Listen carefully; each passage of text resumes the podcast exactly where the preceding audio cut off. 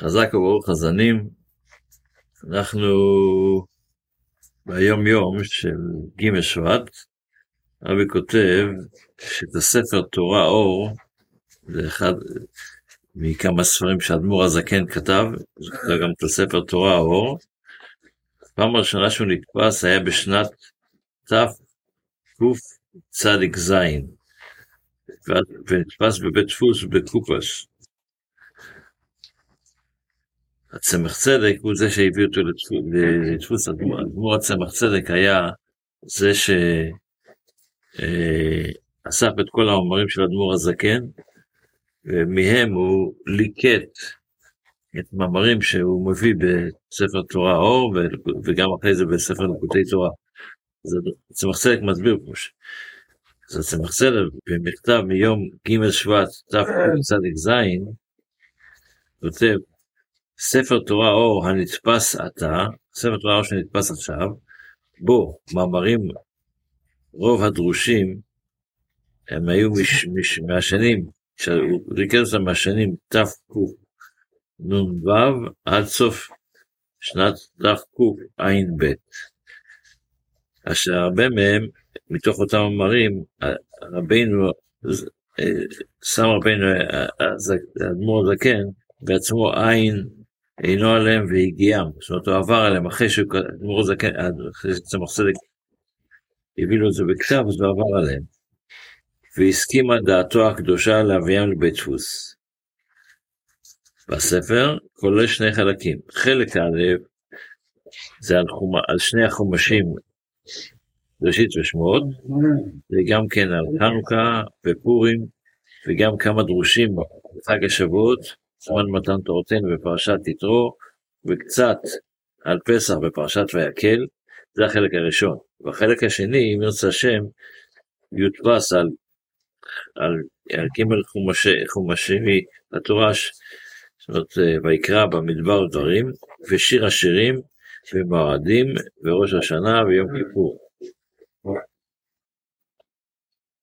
והשם המחבר נאה לו, השם של המחבר של אדמו"ר הזקן, מנהל למה כי שנהו, זה בגימטריה ואהבת, שוואהבת זה בגימטריה בית פעמים אור. עד כאן לשונו, כך כתוב, זה הציטוט מאדמו"ר הזקן, מאדמו"ר הצמח צדק על, על מה שכותב בקשר להדפסת ספר תורה אור.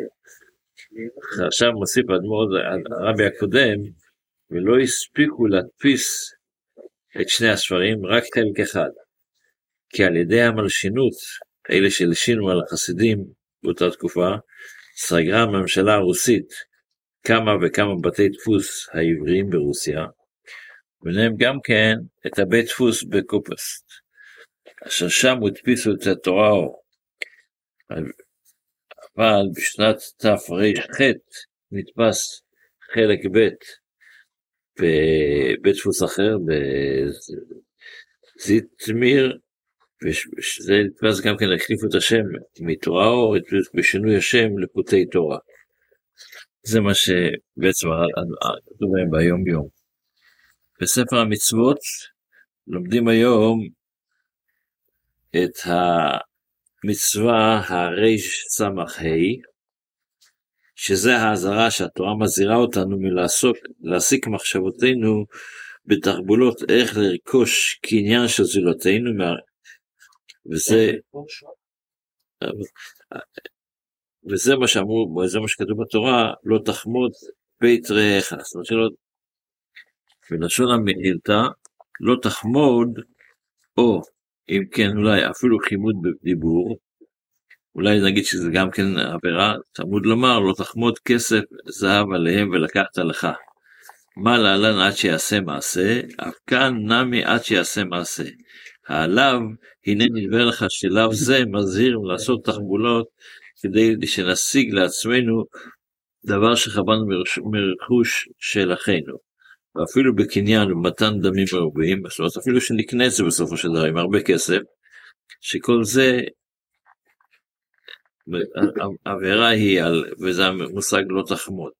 זאת אומרת, אם אני עושה את זה בגלל שאני צריך זה משהו אחר, אבל אם אני רוצה את זה בגלל שזה חבר שלי, אני רוצה לקחת את זה ממנו, לקנות את זה ממנו, זה נקרא לא תחמוד. בתפילה אנחנו, ברוך השם, עברנו, סיימנו, בקיצור, את, את ובא לציון, ואנחנו עוברים עכשיו לשיר של יום.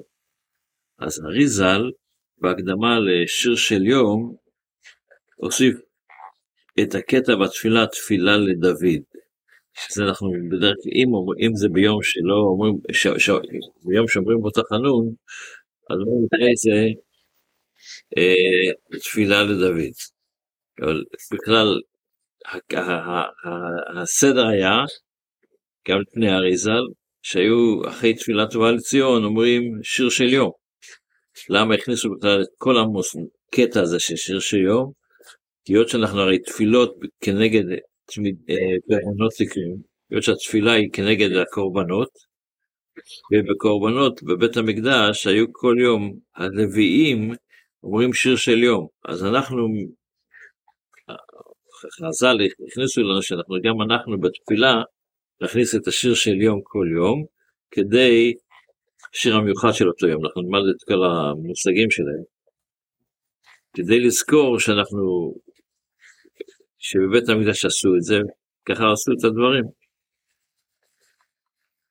ברצה השם את ההמשך נלמד מחר, שכל זה יהיה בבית המקדש השלישי כבר נראית. שיר, שירה של הלווים, אמן.